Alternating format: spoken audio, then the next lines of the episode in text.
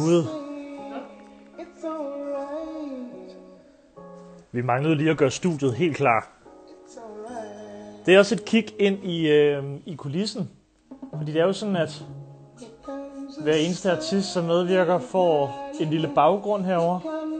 Og øh, jeg tror, at Sarah Bledel, hun skal have den grønne velkommen indenfor alle sammen.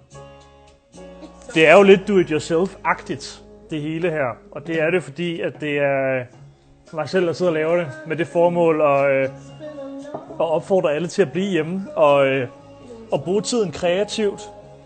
Og øh, det skal vi i særdeleshed også nu, fordi vi skal tale med en af landets største forfattere. Vores krimi-drøgning. Det er altså Sara Bledel, som øh, står bag et øh, fuldstændig imponerende hav af bedstsælgende bøger. Så øh, har man den øh, mindste lyst til at komme i gang med at skrive, hvad end det er film, eller romaner, eller noveller, eller digte, så er det altså nu, at man øh, skal lytte med. Jeg vil ikke sige så meget andet, end jeg vil bare tilføje vores kære medvirkende, Sara hertil. Og så øh, må I love mig at stille spørgsmål, hvis I sidder med noget som helst. Så, øh, så tager vi det med. Det er altså en helt unik mulighed for at byde, øh, byde ind og komme på banen. Velkommen til alle sammen. Hej. Hej Sara. Ja, ved du hvad, jeg, okay. jeg havde ellers en meget smart øh, mikrofon klar. Ikke? Jo. Så kunne jeg ikke øh, høre noget som helst. Nå, hvad var det for en slags mikrofon? Ja, det var ellers sådan en, jeg bruger. Øh, men jeg ved sgu ikke, når jeg så satte den i, så kunne, så, så kunne jeg ikke høre, hvad du sagde. Nej, så var det da I forsøgte på at være endnu mere teknisk tjekket, Ja. at det så ikke virkede. Det gik ikke. Det gik Nå, ikke. Jeg siger lige hej, Sara, til alle dine følgere, som hopper med ind nu i øh, min tråd her, fordi at, øh, det kan man godt blive lidt forvirret over. Mit navn er Jonas Risvig, og jeg er filminstruktør over for mig sidder Sara Bledel, og vi skal tale lidt den halve ti- næste halve time omkring det at bruge øh, tiden derhjemme kreativt og produktivt og, øh, og få noget for hånden. Og øh, Sara, tusind tak, fordi du udstillede med. Tusind tak, fordi jeg måtte. Tak, fordi du har lyst til at tale med mig og, øh, og komme med ind i mit lille krimiværksted. Jamen, ved du hvad, det har jeg i særdeleshed. Hvor sidder du henne lige nu? Lige nu, der sidder jeg hjemme på mit kontor, Ja. Og, øh, og sandheden er jo altså den, at øh, for mig, der er denne her coronatid jo ikke særlig meget anderledes end, end mit skrivehi. Og, øh, og jeg havde faktisk øh, planlagt og forberedt den bog, jeg lige er gået i gang med at skrive. Ja. Så jeg var nået der, hvor jeg alligevel skulle bure mig inde for Ja. at skrive. Og det foregår, øh, det foregår til dels her øh, på det her kontor, midt inde i byen, Ja. som også er her, hvor jeg bor. Øh, og så, øh, så foregår det også oppe i mit sommerhus. Okay, prøv at høre. Det skal vi høre meget mere om det der. For jeg tror, for at lige sådan spore os helt ind på din rejse, man kunne tale om mange ting, Sarah, men kan du ikke prøve at tage os med til, tilbage til den gang, at du var en, på daværende tidspunkt en ung pige, som fandt ud af, at det her med at skrive, det er sjovt. Det er lige mig. Ja, Det var det ikke. nej, Altså, bare for at lægge den fuldstændig klart ned, så var det overhovedet ikke sådan, det foregik. Nej. Øh, fordi jeg var, jeg har ikke, for det første så er jeg ordblind, eller jeg var Ja. ordblind, da jeg var barn, øh, mere end jeg er nu. Det er jo ikke noget, der for, forsvinder på den måde, vel, men jeg har bare, øh, jeg har ikke så store øh, kvaler med det mere, øh, som, men det, det er der stadigvæk, bare ikke så, så voldsomt. Så Nej. jeg kan godt love dig for, at det der med at skrive, det var ikke lige mig. Nej. Altså, jeg kunne have forestillet mig tusind andre ting, tusind andre retninger. Jeg er udlært tjener. Øh, Jeg har også en grafisk uddannelse, øh, det meste af en grafisk uddannelse. Ja, Og så, øh, så jeg var 40, da jeg skrev min første bog. Og Ja. så tænkte jeg, men du er med med en late bloomer, ikke? Og det må man jo så sige. Jamen, hvad så det var, du? ikke en barne, det var ikke en barnedrøm. Nej, men du var heller ikke belæst som barn. Jo, meget ud i de fem af Agatha Christie og andre mysterier. Ja. var jeg vældig, vældig belæst. Men hvis det kom til andre ting, som jeg synes var kedelige, så var jeg sgu ikke nogen læsehest. Det var jeg altså ikke, fordi jeg, øh, det, det hænger også lidt sammen, det der med, at man, hvis man har lidt, øh, altså jeg læser langsomt, jeg læser i og for sig stadigvæk langsomt, i forhold til så mange andre i hvert fald. Men, øh, men hvis man har det der med, at man synes, at ordene, og det snubler lidt, og man er lang tid om det, man begynder at kede sig. Jeg begynder at kede mig helt vildt, hvis der er noget, jeg, jeg tænker, gab, skal jeg læse det her? Ja. Øh, så, så jeg var kun en, øh, en stor, stor læsehest, når det kom til krimi, litteratur og, og mysterier for børn, der startede jeg. Ja, Og, og, og, øh, og så var det det, der blev min drivkraft. Det var, det var ligesom det, der blev øh, det sted, jeg kunne gå hen, det var min læselyst. Og, og, og den vej, der begyndte jeg, jeg, jeg kom, der var jo alle mulige, som så begyndte at læse andre ting, og jeg, jeg blev bare med krimi. Ja. Så jeg har altid været en kæmpe stor krimi-læser og krimi-fan. Øhm, men jeg havde aldrig forestillet mig, at jeg, at jeg selv ville komme til at skrive. Og det kan jeg sige ret, altså det, det er ikke sådan med, uh, nu sidder jeg og skriver på bog, jeg ved sgu ikke hvad efterhånden. Men, øh, men i starten af 90'erne, der startede jeg øh, mit eget forlag, et krimiforlag. Ja. Og ved du hvad, øh, Jonas, det var lang, lang, lang tid inden nogen krimibølge, inden det blev enormt hipt at skrive krimier. Det var dengang kriminalromaner stadig var sådan noget, man havde øh, ikke engang på sit sengebord, men altså neden under sengen. Ikke? Ja. Så det var jo så dårligt timing af mig. men øh, men der, der udgav jeg jo andres bøger, altså oversatte øh, krimier som paperback. Og det sjove er, hvis man dengang havde sagt, jamen, hvorfor skriver du ikke øh, selv? Kunne du ikke tænke dig at skrive selv? Så ville jeg blankt have sagt, nej overhovedet ikke. Det er slet ikke det, det handlede om for mig på det tidspunkt. Fordi der var hele ideen jo, at andre skulle skrive en god historie, som jeg så kunne forstå ja. i. Jamen, hvad sker der så, Sara? Altså, siden du så lige pludselig sætter dig ned og begynder at skrive, det som skal være starten på en, ja. en, en stor karriere som forfatter? Det, der skete det, at jeg øh, med det her krimiforlag, jeg havde der i, øh, jeg tror det var i, i 92, tror jeg startede, ja. der øh, blev jeg, der blev jeg suget mere og mere ind i det, og, og arbejdede som et bedst for at få det til at hænge sammen. Det var ikke nogen specielt god forretning, det skal ikke være nogen hemmelighed. Og så begyndte jeg også at øh, skrive som, som udbadsjournalist, lave nogle ja. interviews, og den mig ind. Og det var jo for mig, kan du sige, øh, altså for det første helt vildt grænseoverskridende, fordi det er ikke krukkeri, når jeg siger, jeg synes ikke, det er let med endelser. Jeg synes sådan set stadigvæk heller ikke, at det falder mig naturligt, om ting skal ende med ENDI eller ENI. Og det Nej. kan man jo godt grine af nu, når man tænker på, hvor mange ord jeg har skrevet igennem de sidste, jeg ved ikke hvad, 18 år. Ikke? Men, øh, men, det, men den vej ind øh, kom jeg til at arbejde som journalist, og det var, øh, det gjorde jeg i 8 år. Ja. Og på et tidspunkt, der begyndte jeg at, at, at, at lave tv, altså være tv-tilrettelægger og blive redaktionschef på nogle programmer.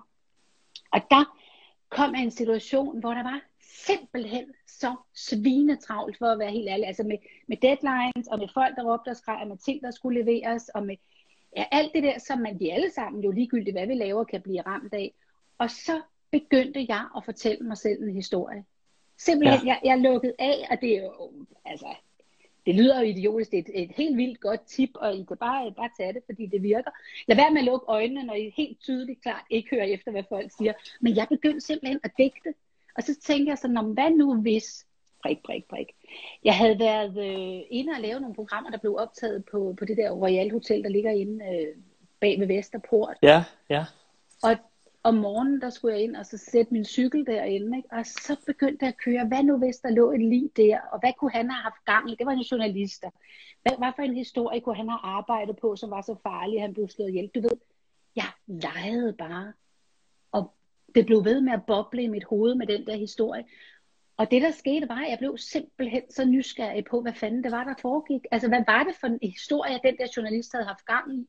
Ja. Og, og det brugte jeg øh, noget tid på bare at, at bimse rundt med i hovedet. Og på et tidspunkt var det ved at eksplodere ind i hovedet på mig. Og så tænkte jeg, jeg bliver simpelthen nødt til at skrive noget af det ned. Jeg bliver nødt til at finde ud af, hvordan kan det her hænge sammen? Altså, hvad, hvad, hvad, hvad er det her for noget? Jeg havde jo skrevet altså i overvis på det tidspunkt, men jo aldrig fiktion. Nej. Jeg havde netop lige præcis prøvet at holde mig så meget til folks rigtige historie, det de havde sagt. Det der med at lade den styrte afsted, og jeg skulle digte, det havde jeg aldrig prøvet. Nej. Så, øh, så jeg satte mig ned, eller faktisk så kom startskuddet af, at jeg, øh, jeg ved ikke, jeg tror, det hænger sammen med den der ordblindhed, at jeg, kan, jeg er nødt til at se tingene for mig. Jeg, øh, og det kan man sige, det, så er det fandme en ulækker genre, jeg har valgt at skrive i, hvis det ja. skal være sådan. Men jeg er nødt til at vide, hvis jeg skal have en hovedperson, som arbejdede på det tidspunkt inde på Københavns Politikår, så er jeg ja. nødt til at vide, hvordan der så ud. Altså, hvordan er der der? Jeg har ikke været anholdt, og, og gudskelov for det. Øh, jeg har ikke siddet inde i drabsafdelingen. Men jeg var nødt til at se det for mig. Og så skrev jeg øh, til daværende drabschef Uwe Dahl, og spurgte ham, om det var muligt, at jeg kunne få lov til at, øh, at tale med, med en af hans efterforskere. Ja. Og det, jeg jo ikke havde regnet med, det var, at, at han øh, faktisk ringede til mig. Det var dengang, man ringede til folk, og det var også dengang, man ligesom skrev et helt almindeligt gammeldags brev. Ikke? Ja. Og, og sagde, jamen prøv at det lyder da spændende, kom dog ind og få en snak med os. Og der kunne jeg mærke, at der fangede bordet. Ikke? Altså, når nogen inviterer en ind, nogen, når, når man tager nogens tid, Ja. så, øh, så, så kunne jeg godt mærke, så blev det sgu alvor. Så var jeg faktisk i gang med at skrive en krimi. Så Ja. det var den vej rundt, det kom. Det, det var en nysgerrighed på en historie, som så voksede og voksede og voksede øh, inde i mit hoved. Og, øh, og, og jeg tænker altså lidt, når, når jeg sådan tænker tilbage på det, så føler jeg sgu øh, mere i virkeligheden, at det var historien, der fandt mig, end det var mig, der besluttede mig for at skrive. Ja. Det er virkelig interessant det der, også fordi, at, øh, at det sådan føles som om, det også kom lidt dumpende, altså at det, at Det pludselig lå lige foran dig, og så var, var, dit, øh, var din opgave at samle den op, og finde ud af, hvordan du så fik den skrevet ud. Det var fuldstændig sådan, jeg havde det. Ja, Og det lyder jo idiotisk. Jeg sidder og skriver på, jeg sidder nu og skriver på øh, Louise Rik nummer 11. Ikke? Og jeg har også lige lavet, jeg har også lavet en trilogi, som er, er, lig- ligger ind imellem der. Ikke? Altså, så det er jo fame mange bøger.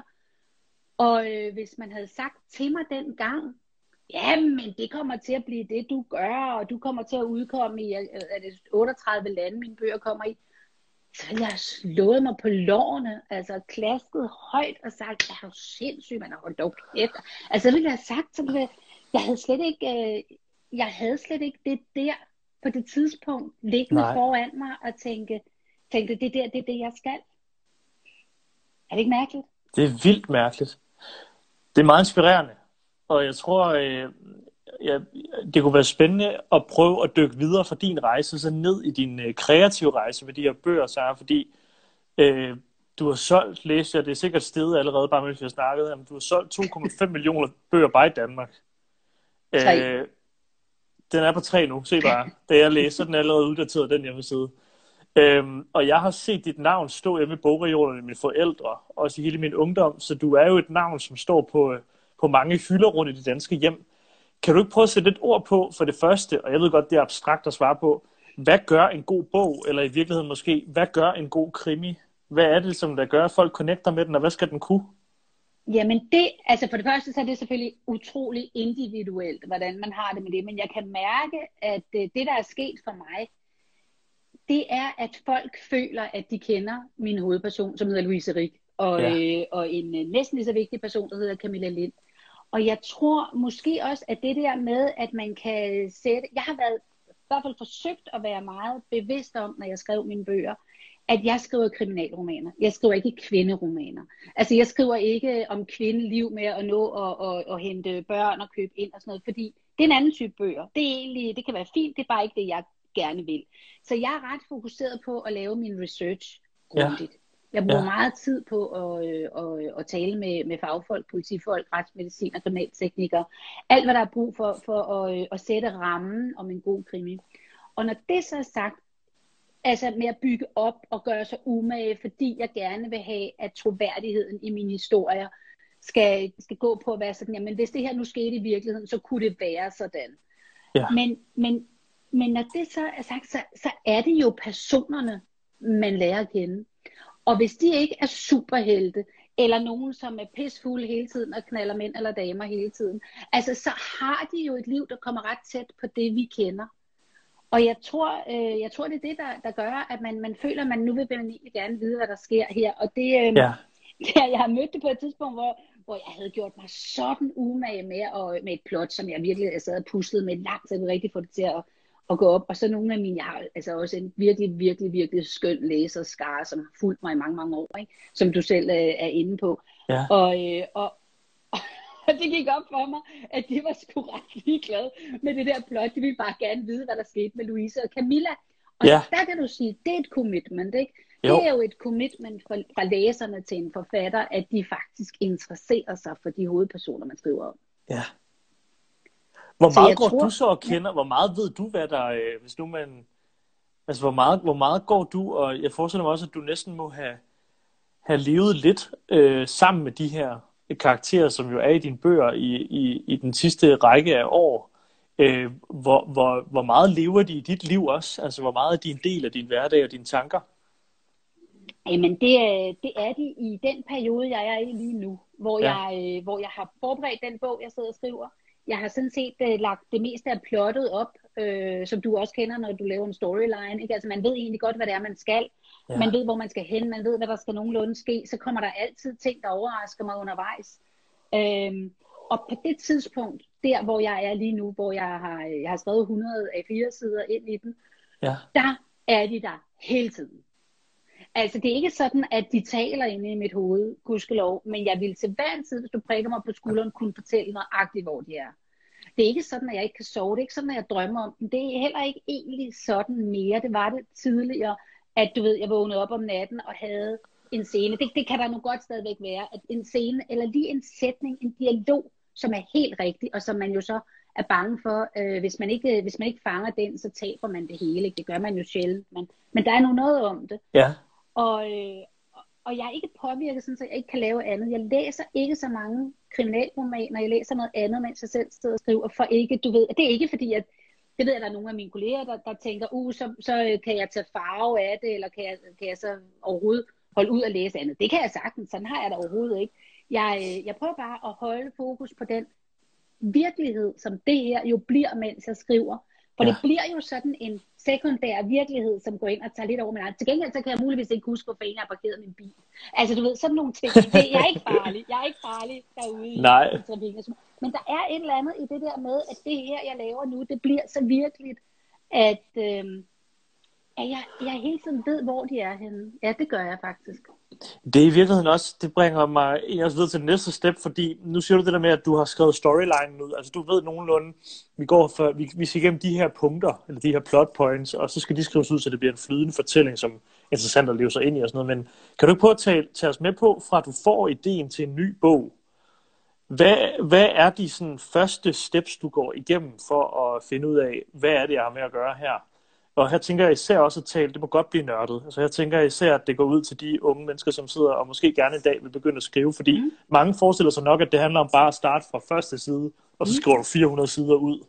Men starter du i virkeligheden et andet sted? Ja, og, og det er nemlig fuldstændig rigtigt. Hvis man har sådan en, en lyst til at begynde at skrive, og hvis man har en, en, en lyst til at enten, enten et emne, eller nogle personer, eller det at fordybe sig i, i noget, man enten ved enormt meget om, eller stort set ikke aner noget som helst om, så har jeg det sådan i hvert fald, ja. at jeg vil rigtig gerne lære de personer at kende, jeg skriver om. Og det har, jeg, det har jeg på en eller anden måde opdaget igennem årene, hvor vigtigt det er for mig at tænke, jeg kender de her mennesker. Så jeg gør altid det, at jeg, jeg finder ud af, der dukker jo altid nogen op. Og man skal heller ikke have det sådan, at man tænker, det her, enten så skal det være en, jeg kender rigtigt. Altså man kan tage noget fra forskellige folk, man kender. Det plejer jeg egentlig at gøre. Så tager jeg lidt fra den ene og lidt fra den anden. Og, og, og finder nogle gode navne til dem. Og jeg bliver ved med at gå og gumle på det, indtil jeg tænker, det her er et rigtigt menneske. Og for mig, der virker det altså at bruge tid på at bygge personerne op. For når jeg så begynder at skrive, så har de ligesom en personlighed, de selv sætter i spil. Og så synes jeg til, til jer, der har lyst til at, øh, at prøve det af. Måske har jeg allerede skrevet en hel masse, og jeg har sandsynligvis jo skrevet alle mulige stiler og, og opgaver, jeg ved ikke hvad. Øhm, men det der med at sidde en dag og kigge på sin computer og tænke, der sker jo ingenting. Der kommer ingenting. Sådan en dag havde jeg i går. Og jeg føler jo sådan, jeg spilder tiden. Ikke? Og jeg bliver simpelthen så træt i hovedet. Og jeg sidder, og så har jeg måske skrevet en halv side, når der er gået fire timer. Og jeg tænker, det her det bliver jo ikke til en skid. Og så lige pludselig kommer det. Altså, så vælter det, pludselig kan jeg se, hvad det er. Og, og, og, og så vælter det afsted, og så har jeg skrevet øh, seks sider, inden der er gået en time. Ikke? Ja. Det er noget med at ture og blive i den følelse af at have nogle personer, du faktisk synes, du kender. Og hvis det er en hjælp, så brug nogle, man kender. Ja. Øhm, og hvis man, ligesom jeg gjorde i går, altså simpelthen kørt fast i, at, at jeg har, der skal komme et eller andet. Jeg skal blive drevet, jeg skal kunne se, hvor de går hen. Og hvis jeg ikke kan det, så tvinger jeg dem til at gøre et eller andet. Så, så, så, øh, så, så siger jeg til mig selv, nu, hvad ville de gøre, hvis jeg gav dem to bajer og et, øh, og et øh, raflebær? Hvad, hvad ville der så ske? Selvom det er fuldstændig ude af den historie, jeg, jeg skriver. Det handler slet ikke om Nej. at ramme det punkt. Det handler om at få dem til at bevæge sig. Det handler om at få de her mennesker, man gerne vil have til at gøre noget, til at agere på en eller anden måde. Ja. Så det er egentlig ligegyldigt, hvad man giver dem til. At man kan sige, lad dem gå ind i Netto og købe ind. Hvad, hvad vil de tage ned af hylderne i Netto? Eller hvad vil de sige til, øh, til deres mor, hvis de kom hjem, og hun var irriteret? Altså, jeg kunne altså tænke på min egen søn, han er 22, han bor i New York. Og, øh, og han er så I fatter ikke, hvor træt han er af, at jeg spørger, om han er okay i den her. Det er ikke det, er ikke det sjoveste, have, eller for en mor er det i hvert fald ikke det sjoveste at have et barn, der Nej, for i, i, i, i New York alene nu, vel? Han er så træt. Ej, min mor prøver, jeg sidder heroppe på 25. etage, så det er begrænset, hvad der kan ske mig. Men, men, men der er sådan nogle samtaler, hvor man kunne så smække, øh, jeg kunne for eksempel sætte ham på banen, ikke? og så sige, hvad ville Adam gøre, hvis jeg sagde det her? Ja. Lige nu, der ville han bare sige, ro på. At, altså, presse dem ind i situationer, som er velkendte for jer. Og fuldstændig almindelige situationer. Og så se, hvad der sker. Det, det har jeg i hvert fald haft utrolig stor glæde af, hvis jeg netop så, altså, sidder og bare stiger på, på tastaturet og tænker, de her personer, de rører sig ikke ud af flækken. Der sker ingenting. Ingenting. Nej. Hvor meget ved du omkring din slutning, når du går i gang med at skrive en, øh, en, en bog, når du når dertil, hvor du er nu, hvor du er begyndt at skrive det ud? Jeg, jeg plejer faktisk altid at vide, øh, altså jeg ved altid, hvem der har gjort det. Det er sådan meget godt. Og når ja. i min branche, så er det jo helt, helt basically, hvem har slået de andre ihjel. Ja. Altså, jeg, jeg, jeg ved som regel godt, hvem, og jeg ved hvorfor. Men jeg ved aldrig helt præcis, hvordan slutscenen skal udspille sig. Og det handler også om, at jeg, øh, jeg synes, jeg jo også først rigtigt lærer personerne at kende i den gennemskrivning, jeg har. Altså den første gennemskrivning. Ja. Og derfor er, øh, synes jeg egentlig på en måde, det er næsten sjovere at skrive den igennem næste gang, fordi at det er jo ikke sådan, at jeg sidder og skriver det hele igennem igen. Der, der sidder jeg bare og former dem og tænker, ej, sådan der vil han aldrig sige, eller det vil hun aldrig gøre, eller ej, jeg har også brug for nogle informationer, som skal ligge derop, som bliver forløst længere henne. Øh, jeg ved aldrig 100% altså hvordan. Jeg ved bare, hvad er slutsekvensen, hvordan forløser jeg det her. Og det synes jeg, det er forskelligt selvfølgelig øh, fra forfatter til forfatter, men for mig, der er det vigtigt, fordi det i krimien er vigtigt, synes jeg, at, at, at bygge op på den rigtige måde. Der er ikke rigtig nogen, der orker det der med, at, at så kommer morderen lige ind fra højre på næst sidste side, ikke? altså havde de ikke set ja. det komme.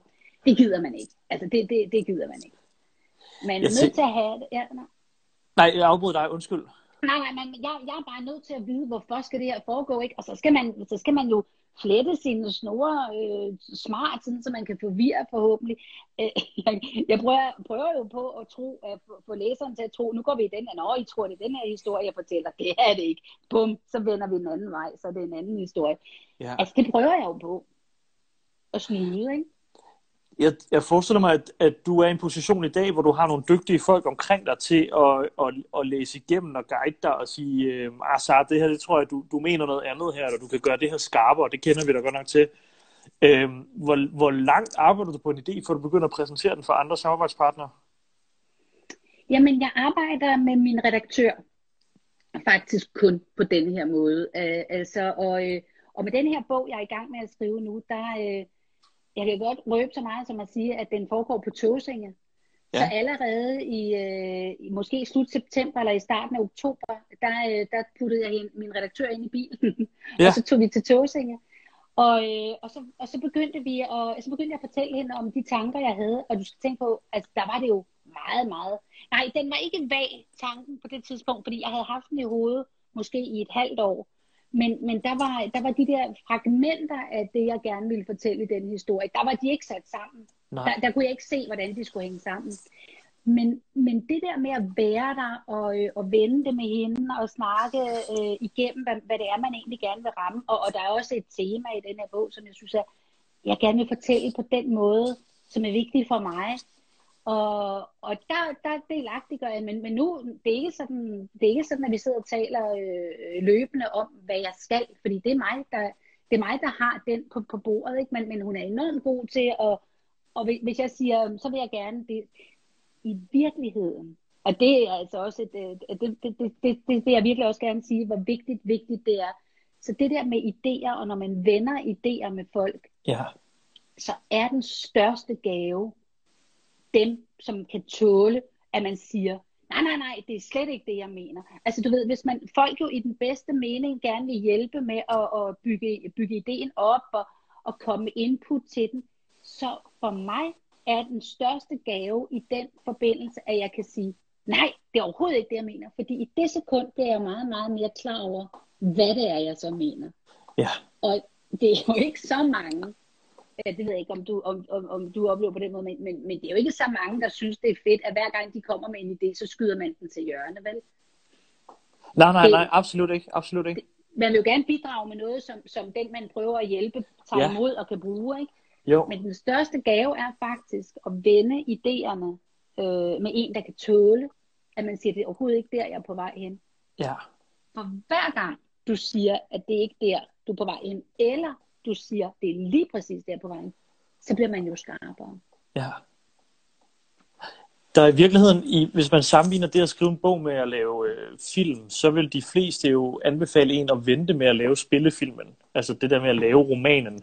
Fordi det er så kæmpestort et arbejde, og det er enormt svært at udgive, hvis man ikke allerede har et navn, og det er, og det er svært at få nogen til at læse det igennem, fordi ens familie kan jo ikke bedømme om, om 200 sider ud af en eller anden retning, hvor den så ikke er færdig endnu, om det kan hvad kan, hvad kan det lige blive til det her? Hvad, hvad plejer du at råde unge forfatter til? Handler det i virkeligheden i højere grad om nogle gange også at kunne skrive en idé til en historie på 10 sider, og vise, at man forstår, hvor den nogenlunde skal bevæge sig hen? Eller er det virkelig at gå i kast med at skrive den helt lange først? Eller hvordan starter man altså, i, din verden? Jeg, jeg plejer at, at sige, at det er simpelthen så skægt, øhm, fordi jeg har nemlig også mange unge læsere. Jeg har både ja. nogle, jeg har også deres bedste forældre, og det er ja. jo en kæmpe, kæmpe gave, at man kan spille, eller at, at på en eller anden måde blive sådan, at man spænder vidt. Men jeg synes faktisk, det vigtigste er, at man ikke tænker, hvor skal det her ende? Altså ender det her på en bestsellerliste et sted? Jeg synes, det, jeg synes for mig selv, der er altså helt utrolig langt til den sidste side, når man skal starte fra nul. Ja. Så, så man skal skrive af lyst, og man skal blive grebet af den der glæde ved at kravle ind i et andet univers og få lov til at forme det og skabe det. Og ikke så meget, synes jeg, tænke på at få det færdiggjort. Det skal jo færdiggøres, men det skal være vejen derhen, der er den sjove. Og ja. man, man skal ikke, synes jeg, så meget øh, i starten tænke på, jeg, jeg får mange henvendelser fra folk, som gerne vil, vil være sikre på, at de kan få det afsat til et forlag. Ja. Og der plejer jeg faktisk at sige, det tror jeg ikke, du kan. altså, det ved jeg så godt, at det er der selvfølgelig en del, der kan. Men det er svært. Og der er så mange, der, der har lyst til at skrive, som så måske skal formes, og som skal hjælpes, og som skal guides. Og der er jo forfatterskoler, og der er kurser. Jeg har selv benyttet mig af, af det sted, der hedder Plotværksted. Der sidder øh, Malene Kirkegaard, som er sindssygt dygtig til at, at, at, at hjælpe med at bygge plot op. Altså ja. lære ind, og, og det der med at arbejde med plotkort. Så, så der er jo ikke noget galt i at, at få hjælp, men jeg synes for at være helt ærlig, at det vigtigste det er at nyde skrivetiden. Ja. Fordi ellers så er der fandme langt hjem. Jamen helt klart, det synes jeg er et godt råd. Altså jeg tænker også, der er vel også sådan et eller andet, der, det kan vel, der man plejer tit at sige, der følger sådan en form for ensomhed med det der med at være forfatter, ikke? fordi man i så lang tid lever i en fantasiverden, og det er sgu svært sådan at lade en eller anden læse med på de første 50 sider, før det er korrekturlæst, og før det er gennemrettet, fordi man er jo sådan, jamen, det virker da meget spændende. Og jeg, jeg, hvis man ikke lige har det der miljø af en redaktør, eller nogen, man kan mm. spare med, hvis nu man sidder i, i, ikke at der er noget galt med Viborg, men man sidder der, mm. og man er den eneste, der skriver, man er gået i gang med at udfolde nogle af de der fantasier og tanker, man har. Hvordan, hvordan delen holder man lige den der, der er også flere, der spørger om det hernede, hvordan holder du den gnist kørende, når du bare føler, at det er jo bare mig og den her ja. bog, og den vil ingen steder? Nej, det er også svært. Altså det er simpelthen svært, og, og det er også lidt derfor, jeg tænker, at noget af det, øh, det det bedste, det er at blive så forelsket i historien, at man ikke kan, at man ikke kan lade være med at skrive. Ja. Og, og det kan man ikke være hele tiden. Altså, prøv at, det kan man ikke. Man kan ikke være drønforelsket i historien hele tiden. Men jeg plejer at, at, at have det sådan, at jeg skriver ikke, før historien er ved at eksplodere i mit hoved. Ja. Altså før det bobler så meget. At, jeg kan bedst beskrive det på den her måde med, at, at når man laver popcorn på den gammeldags måde, med, på komfuret i en gryde, så er olien i, og man kommer et par popcorn i, og på et tidspunkt begynder de at poppe. Så kommer man resten af popcorn i, og så på et tidspunkt popper de alle sammen, og så skal man ikke løfte låget. Og, Og sådan har jeg det i hovedet, når jeg begynder, fordi jeg tror, at jeg ville kunne udvikle en øh, skriveblokering i løbet af 0,3, hvis jeg satte mig ned og skrev uden at have noget at skrive på. Ja. Så jeg synes i virkeligheden, at det er rigtig, rigtig vigtigt, at man går længe og, og, og, og får lyst, venter med at skrive, til man, til man ikke kan lade være. Ja. Simpelthen. Øh, og, det, og det er lidt det der med at blive forelsket i historien, så man har lyst til at være der, man har lyst til at skrive, man har lyst til at se, hvordan de siger de her ting, man har lyst til at se, hvordan de opfører sig over for hinanden. Og, og det er klart, at når man, man, er meget, man er meget ensom med det. Men der er masser af, af, af skrivefora inde på, på, på nettet, og jeg synes, man, altså lige præcis der, der er det jo fantastisk at række ud, og, og der er de sociale medier jo fede, fordi man kan komme i kontakt med nogen, som laver det samme som en selv. Og, og så er de der skrivegrupper er fede, ikke? Eller lave en skrivegruppe sammen, det ved jeg, at flere af mine kolleger har.